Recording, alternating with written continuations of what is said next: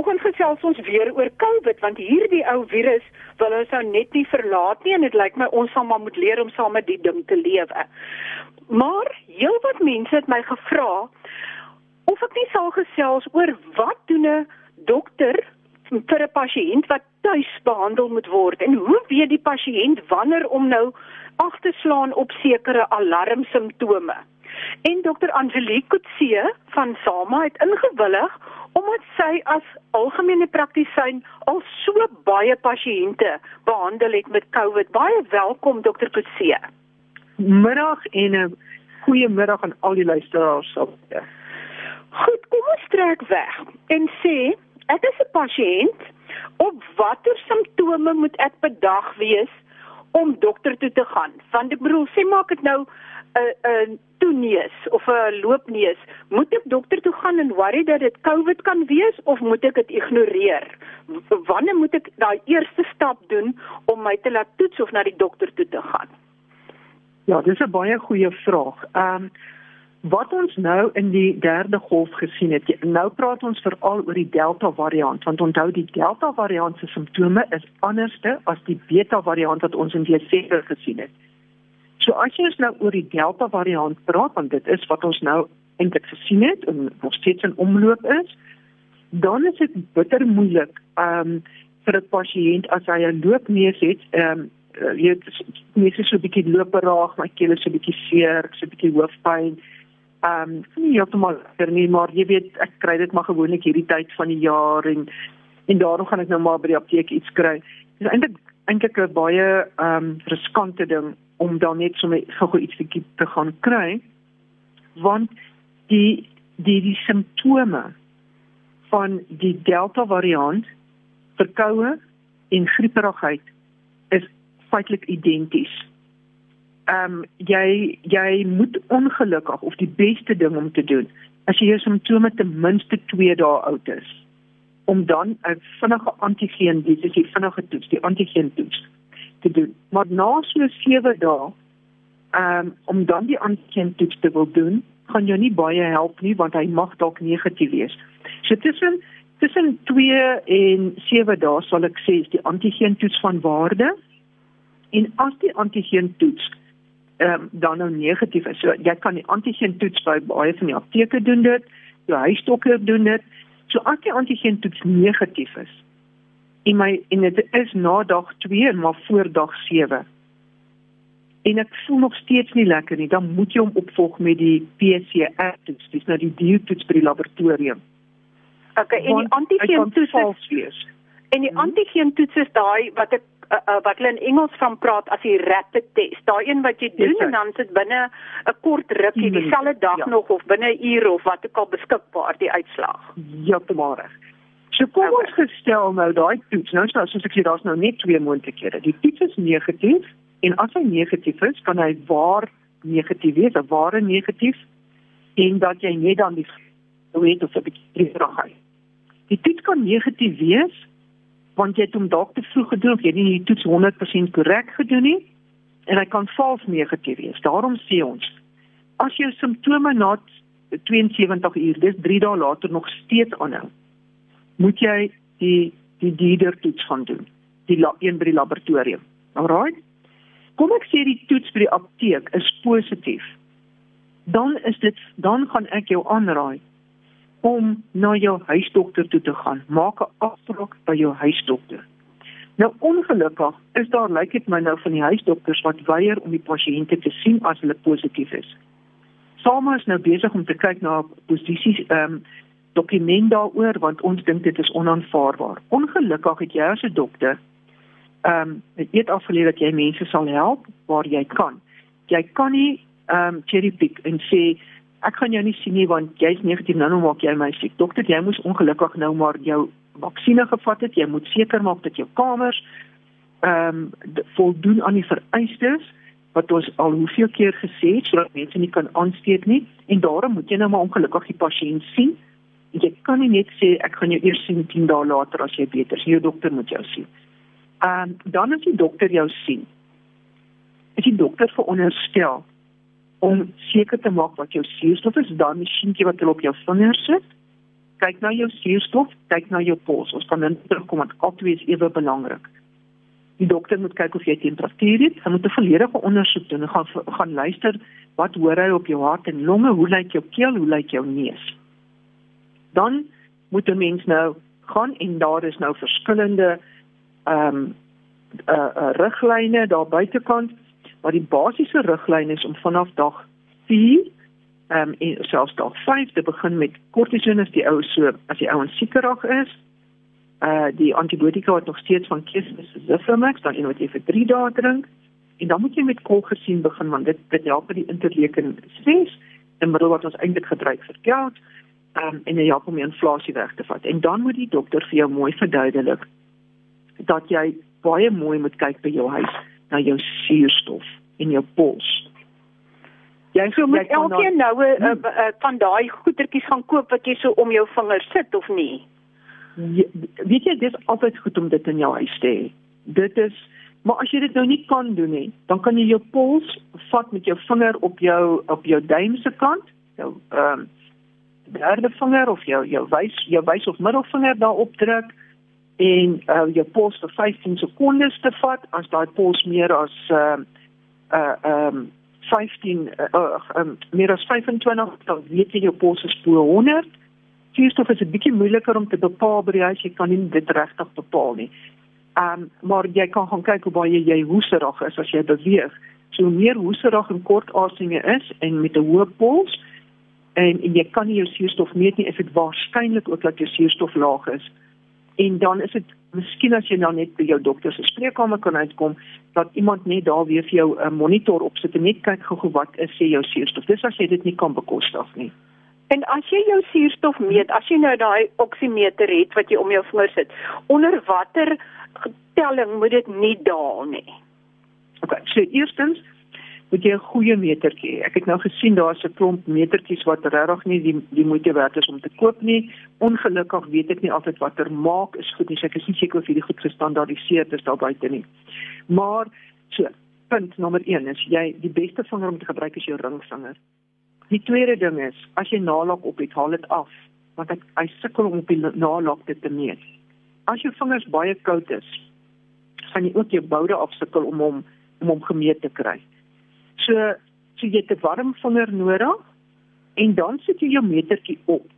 Nou wat ek gesien het wat die pasiënte doen, hulle is so gespanne oor wat hy gaan sê, hulle vergeet om asem te haal. Dan val die suurstof. So my my raad aan die pasiënte, sit die metertjie op, laat hom vir so 'n minuut lank opbly. En dan kyk jy, jy moenie heeltyd vir hom kyk nie. En haal net asseblief asem, want as jy nou ophou asemhaal, gaan jou suurstof val. So jy wil nie hê die suurstof moet kronies onder 90 of so 88 rond wees. En jy wil nie jy moet heeltyd daar bly nie. So as jy as ek kom opsit en my suurstof is 88, as ek kom opsit en ek kyk. En na 1 minuut is dit 91 92. Dan is ek nog doodgemaklik daarmee op hierdie stadium met dan nie anders simptome is nie. So dis nie 'n kwessie van jy sit hom op nou sê 81 88 en nou is dit rooi ligte nie. En almal almal van hartlik ongevalle toe nie jy moet dit ten minste ordentlik doen en die dokter moet jou net mooi wys hoe dit werk. Dan kyk jy na jou polsspoed ook. So ek het dit nou al 'n rukkie terug gesê, ek vermoed ons gaan baie uh, maagspierontstekings kry vorentoe of myokarditis soos ons noem, want mense fokus so op die suurstof, hulle vergeet hulle te hart wat pol, wat 'n pols het. Uh, of wat vir jou pols gee. So as jou pols kronies bo 100 bly, so ek ek lê in die bed, my pols is laag, Maar nou spring ek gou op, ek gaan gou vir my koppie koffie maak en daar hartlik my pols 111. Dan beteken dit die hart wil dit nie hê nie. Jy moet terug na jy moet terug, jy moet sit. En jy gaan moet rustig wees totdat die pols stabiliseer onder 100. So jy pols wil jy nie bo 100 hê nie, jou suurstof wil jy nie um onder um 90 hê nie, verkieslik nie onder 88 nie. Goed, jy sê by die huis het, eh, ek sien ook baie dokters skryf voor Vitamiin C, Vitamiin D, sink en so aan. Is dit help dit of is dit soort van uh, net soort van daar vir die troos of of is daar enige bewyse dat dit wel darm help? Oké, okay, hierdie is ook net so moeilik want Vitamiin D, as jou Vitamiin D vlakke laag is, gaan die Vitamiin D verseker vir jou help. Ons weet Vitamiin C is goed vir slijmvlies, ons weet die virus um irriteer die slijmvliese. Um Vitamiin B is ook altyd 'n goeie ding om te hê want dit help met die senuweegeleiding. So, jy weet, dis nie dis nie verkeerd nie om dit te gebruik nie. Dis glad nie verkeerd nie. Maar as jy dit nie kan bekostig nie, kan dit nie beteken jy nou sieker word as die ander ou net omdat jy dit nie kan bekostig nie. Ons moet ook gaan kyk wat is die realiteite van die mense daar buite. Jy weet al hierdie klomp vitamiene kos nogal 'n handjie vol en as dit 'n gesin van 4 is, kan dit jou nogal arm maak en jy weet jy as 'n ma ehm um, voel jy moet dit vir jou man gee en jy moet dit vir jou kinders gee en jy self gaan dit nie gebruik nie as jy seker word dan dink jy dis omdat jy dit nie gebruik het nie. So, ek wil net hê mense moet verstaan ja, dis goed as jy dit kan bekostig. Dit gaan nie regtig die verloop verander van die siekte nie. Die belangrike goed lê in die in in die feit om te onthou dit is 'n inflammasie siekte. En in die inflammasie ehm um, moet ehm uh, um, proses moet jy probeer om die inflammasie so vinnig as moontlik af te bring. En die goed wat gewoonlik daarvoor werk is jou jou kortison hoë dosisse, maar jy moet dit saam met die dokter neem. So al gebruik ons kortison vir elke ene, verskil die dosisse baie keer van wat ek vir die pasiënte gee. Want dit help hou hang af van die pasiënt se kliniese beeld dan moet jy ook onthou as jy pasiënt by my is en is 'n man bo 50 of 'n vrou bo 50 effens oorgewig met hoë bloeddruk, cholesterol, suiker, siekte, al die kroniese goed of een of van die kroniese goed. Dan is dit vir my 'n hoë risiko pasiënt. So daai pasiënt moet ek gaan besluit gaan ek hom op 'n disprin sit of gaan ek hom op 'n bloedverdunningstablet sit en dan daai goed is duur. Ons ehm um, in in ehm um, en ek moet daai ek moet daai kliniese ervaring gebruik vir wie gaan ek wat gee want jy wil nie hulle moet stol later nie. Ehm um, so jy gaan ook nie vir elke ou wat verbykom bloedverdunning gee nie. Jy jy moet na jou pasiënt kyk en dis hoekom dit so belangrik is om 'n pad met jou dokter te loop. En dit help nie jy loop die pad met ongevalle nie. Ongeval het verskillende dokters wat inkom. Ehm um, ja, dit is nogal ek sê altyd dis soos jy apteker op die hoek. Jy kan jou apteker op die hoek vertrou jy is veronderstel om jou dokter ook te vertrou. As jy nou al jare ken en wat jou siektebeeld ken, om jou hier deur te dra en hier deur te trek. Nou wat ons gewoonlik in ons kamers doen, is ons sien die pasiënt op 'n weeklikse basis kom hulle in na die kamers toe. En ons fisies ondersoek hulle. Ehm um, hoekom? Want ons weet dat ehm um, hier by dag 7 tussen 7 en dag 10 is wanneer hulle slegter gaan word as hulle ek sê altyd as hy gaan crash van hy daar rond crash. So as ek hom kan optel voor dit gebeur, dan spaar ek hom geweldig baie onkoste vorentoe. Ek wil nou amper so ver gaan om te sê as die pasiënte vroeg in hulle siektebeeld binne die eerste 4-5 dae vandat hulle siek geword het, by hulle dokter kan uitkom. Wil ek amper sê daar geen rede hoekom die hospitale oorvol moet wees nie. Daar's amper geen rede kom jong mense moet doodgaan nie. Want jy moet jy kan hulle bestuur hierdeur. Ja, jy gaan nog steeds jong mense verloor, maar dit behoort baie baie minder te wees. Maar dis dis 'n dis ek wil amper sê dis 'n ooreenkoms tussen jou en jou dokter wat jy aangaan dat jou dokter kyk vir jou en luister nie hulle om die pas. Ek het ook nou geleer met hierdie weeklikse terugkom van die pasiënt. Hoe belangrik is dit dat pasiënt om my vrae te kan vra? En net daai bietjie kommunikasie dat die pasiënt verstaan wat besig is om met hom te gebeur. Maak hulle nie in die middel van die nag ongevalle toe hardloop nie. Dit maak dat hulle verstaan. Goed. En en ehm um, ek wou gehoor het as as iemand nou siek word, aan die begin is dit seker nou die virus se reaksie, maar later word dit die liggaam se reaksie op die virus wat dan ja. ook soms lank kan aanhou. So ja. op watter dag begin julle met kortison want ek neem aan die kortison is teen die inflammasie ja. en nie so seer dat dit die virus gaan aanval nie. Maar as jy begin so dag 4, dag 5 afhangende van die pasiënt se simptome, dan begin jy daarmee om hulle uit die inflammasie uit te kry. Jy het heeltemal reg. Nou jy moet weet dit is nogal is nogal ehm um, uh, ek wil amper sê goed vir 'n ou se maagseer as jy 'n suikerpasiënt op hoë dosis se kortison sit want jy weet jy gaan daai suiker in sy maai en opjaag. So ek sê gewoonlik vir die pasiënt luister, ek gaan nou jou suiker heeltemal bymekaar gooi. Maar ek het nie 'n keuse nie. Selfs al word jy nie ongeag opgeneem in die ICU, kan hulle ook jou jou jou jou jou ehm um, kortisone jaag. So ons gaan die suiker later aanspreek. Kom ons kyk net, kom ons kry jou net hierdeur. As hulle op insulien is, kan ek die dosis so 'n bietjie verhoog. Wat is so belangrik, dit gaan vir my baie oor kommunikasie. Ehm um, as ons nie kan kommunikeer nie, nie goed uitkry dat die pasiënte net hulle siektebeeld verstaan. En verstaan, ouens, ek sê vir my pasiënte op dag 5 kom hulle aan, lyk hulle nog goed.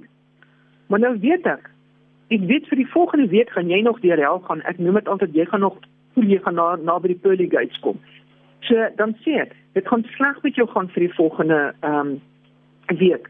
Ek is hier, bel as daar 'n probleem is. En ons kan vir jou sê wat om te doen en hoe jy dit kan, anders ek jou oor 'n week. Sien jy maak die deur oop vir hulle. Dat hulle weet jy's daar.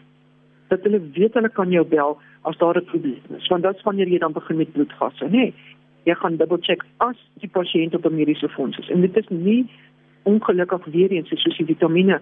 Nie almal kan kan dit bekostig nie in jou in jou townships waar daar nie ehm um, mense is wat wat wat bloedgas kan bekostig wat op 'n fonds is nie. Dit is dit regtig weer eens is 'n maakseer ervaring vir die dokter maar jy kan jou pasiënt deurtrek. Jy kan. Dokter, en wanneer sit jy die pasiënt op 'n nebulizer en is in daai nebulizer is dit maar die kortison wat jy inasem of is dit 'n bronkodilator wat in daai nebulizer is wat jy inasem? So die nebulizer is eintlik die beste as jy pompie om dit te om die pompie te gebruik. So die pompie maak eintlik die want dit is so asma. Ehm um, ja. met asma is ook mos nou maar inflasie. Ag ag, inflasie, inflammasie. So dit maak daai dit maak so 'n bietjie die die inflammasie minder.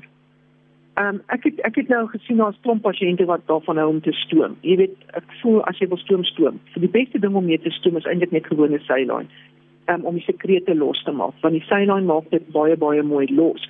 En jy kan eintlik jou jou jou kortison, jou dulin en jou um, pulmicort wat hulle sou wil ingooi graag gebruik jy eintlik net as daar 'n wheeze komponent by is. Maar ehm um, as pasiënte daarvan hou met om met Cylon te stoom en dit hulle gemaklik laat voel, ek gaan hulle nie stop en keer nie want hulle kan nie skade doen nie. Goed. So goed, jy mense het nou gekom aanvanklik voel jy nie te sleg nie, maar hier tussen dag 7 en dag 10 gaan dit nou rof. Ehm um, hoe is kan jy die meeste pasiënte nog steeds deur dit kry sonder dat hulle hoef hospitaal toe gaan? So, en as jy verby dag 10 is, kan jy sê die ergste is verby of nog nie? So gewoonlik dag 10, 11, 12 tot dag 12, nee, dan dan is die ergste verby.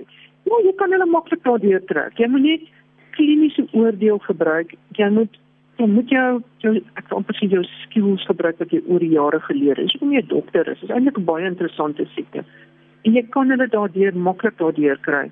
Maar jy moet samewerking ook met die pasiënt hê. Nou, daai daai week, daai tweede week is so belangrik dat jy nie die wasgoed was nie. Dat jy nie die vloere skoon maak nie. Dat jy nie vir die kinders kos maak nie. Ek noem dit laziness siekte. Jy moet daai week jy weet nie om jou boude vas is nie, jy nie op, dan moet jy nie op, dan moet jy nie daar wees nie. Jy mag net op 'n bed of op 'n stoel eintlik wees, want dis wanneer jy daai hart um, kans om te herstel dis wanneer jy minder hoes. Hulle hulle gaan hulle weet as hulle bietjie beweeg, begin hulle vrek baie hoes. Hulle my dan en hulle sê vir my hulle suurstof is normaal, maar hulle hoes baie. My eerste woord is wat het jy gedoen? Want ja, ek weet, hulle het iets gedoen. Hulle het nie op haar bed gelê of op die stoel gesit daai daai tweede week nie. Ja, en en wat mense ook nie besef nie is dit dit kan die hart aantas, maar dit kan ook die ja. niere en die pankreas en die ja. lewer en uh, eintlik alles aantas. Uh, en, en en sien julle ook nog soos met die uh, beta variant dat mense se spysverteringskanaal aangetast word dat hulle naar word of diarree het of so ja. of nie eintlik met die delta nie. Nee. Delta is nog steeds daar's gewoonlik een dag. Een dag en daar en dit is gewoonlik die, die begin van die tweede week wat hulle lekker diarree en naarheid het. Ehm um, en dan as jy nou gerus stel en hulle sê dit gaan weg, die naarheid kan jy so 'n bietjie stemmetol generies gee. Ek gesien dit werk goed. Dis baie goedkoop ook. Ehm um, en wie is jou pasiënt gerus stel en sê weet jy wat dit gaan weg gaan. Kom ons kyk wat gebeur, maar dit behoort weg te gaan. Ehm um, en dit maar dit kom weer terug na kommunikasie, nê? Dis in jou en jou pasiënt. Dat die pasiënt kan verstaan wat is besig om met my te gebeur. Ehm um, Die ander ding is die suurstof uh dit is die dis 'n groot probleem waarmee ons gesit het want van die fondse vat baie baie lank om toestemming te gee vir suurstof. Jy weet as ons ons sien jou bloedgasse is laag en ek weet ek kan jou by die huis doen, dan wil ek eintlik suurstof soos in gister al hê en dan van hierdie fondse, Discovery was een, Volmet is 'n ander een. Hulle vat 3, 4 dae voor hulle hierdie goed goedkeur. Teen daai tyd doen jy nie meer my pasiënte guns nie.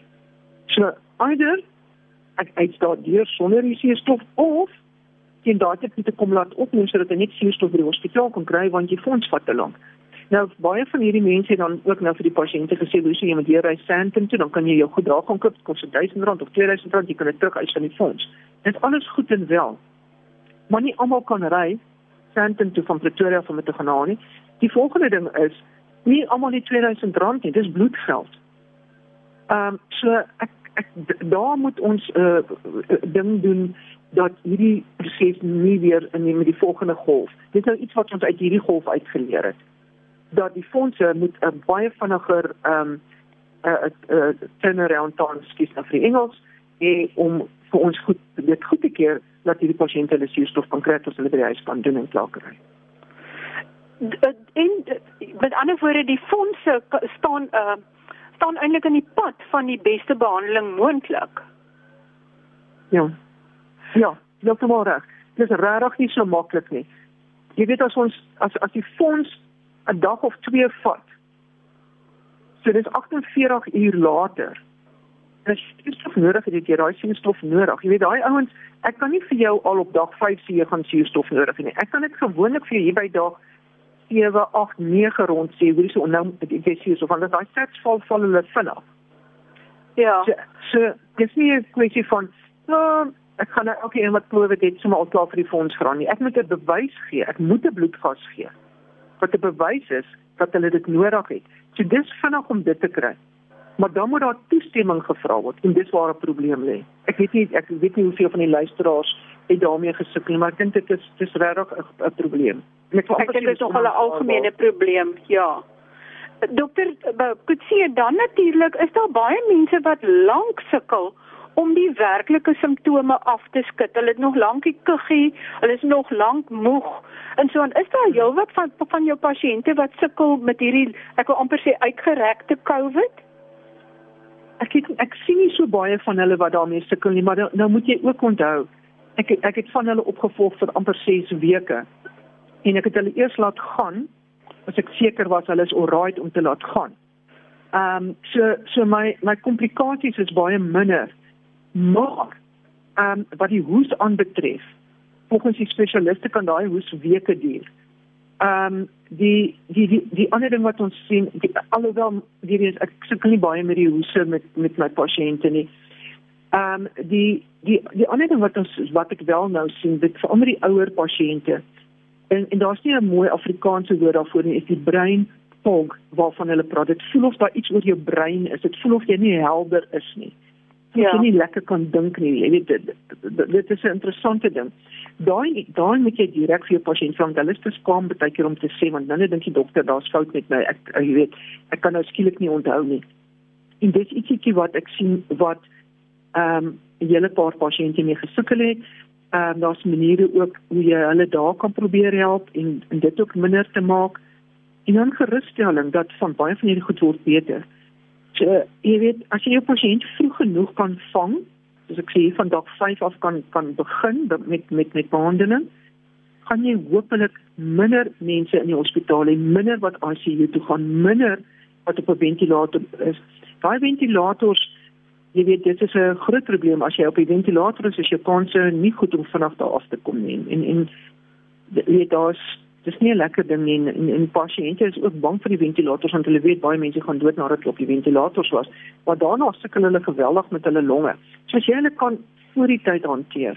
Maar dit is nie altyd moontlik nie. Daar's plattelandse mense wat nie dokters het nie. Ehm um, ek ek ek dink daar's 'n ons het ons sit met 'n groot probleem.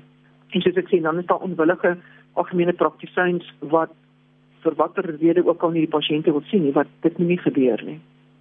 Ja, ek moet sê daar is algemene praktisyns wat uiters goed na hulle pasiënte kyk. Mm. En daar ek het ook baie verslae gekry van algemene praktisyns wat maar baie onwillig is en ook God se water oor God se akker laat loop asof hulle eintlik hulle kop in die sand druk of uh, nie gretig is om die pasiënte te behandel nie en ons hoop tog net hulle is absoluut in die minderheid.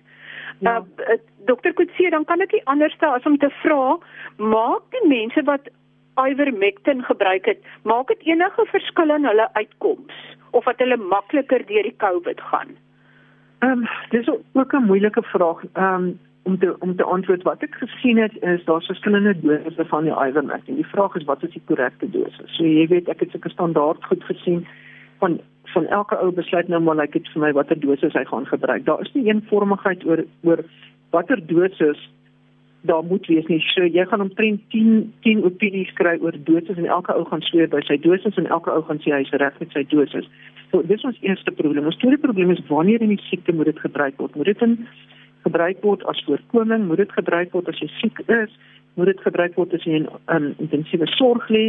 Waar moet dit gebruik word en weer eens wat is die dosis wat gebruik moet word om sodat dit nie skade aan die pasiënt doen nie? Nou ek het 'n hele klomp eh, ek self ek is nie vir ivermectin nie, ek is nie teen ivermectin nie. Ehm um, alhoewel ek het my pasiënte almal reg gekry sonder ivermectin, maar ek het 'n hele klomp gekry wat wel op ivermectin was en nog steeds siek geword het.